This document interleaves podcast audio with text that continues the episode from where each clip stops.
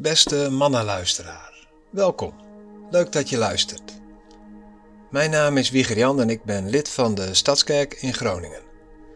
Een manna van de Stadskerk is een paar minuten voedzame inspiratie dat het midden houdt tussen een gedicht, een column of een overdenking.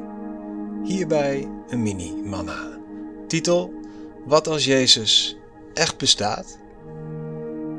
Ik heb de laatste tijd een terugkerende gedachte. God is echt. Jezus bestaat echt. Hij is echt met ons en hij komt op een dag fysiek terug. Waarom heb ik deze gedachte? Is dit niet evident als je lid bent van een kerk? Misschien niet. Soms vervallen we in concepten, getheologiseerd. We discussiëren over onze verschillende interpretaties van de Bijbel. De vraag blijft: als Jezus terugkomt, had je hem dan verwacht? Wat ga je zeggen? Wat zal ik zeggen tegen Jezus, mijn raadgever, mijn goddelijke held, mijn eeuwige vader, mijn koning van vrede? Mogelijk, oh gelukkig, u bent echt waar. Ik houd van u. Mijn laatste restje ongeloof valt van me af. En dan zal ik vragen: Wat vindt u van mijn leven?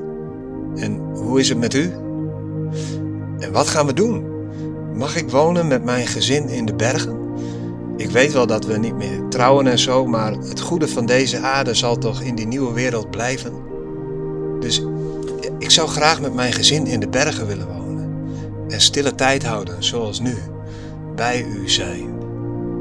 En af en toe een groot tuinfeest geven waar iedereen dan komt. En roken zonder dat het schadelijk is. En bier drinken zonder kater. En echt goede muziek. Niet hele goede christelijke muziek, die toch altijd net iets minder goed is dan zijn seculiere tegenhanger. Bestaat er trouwens zoiets als christelijke muziek of seculiere muziek? Als al het goede van God komt, is dan muziek niet per definitie christelijk? Nou ja, een tuinfeest dus, met goede live muziek van muzikanten die mogelijk verrast zijn dat ze op dat feest in die nieuwe wereld terecht zijn gekomen.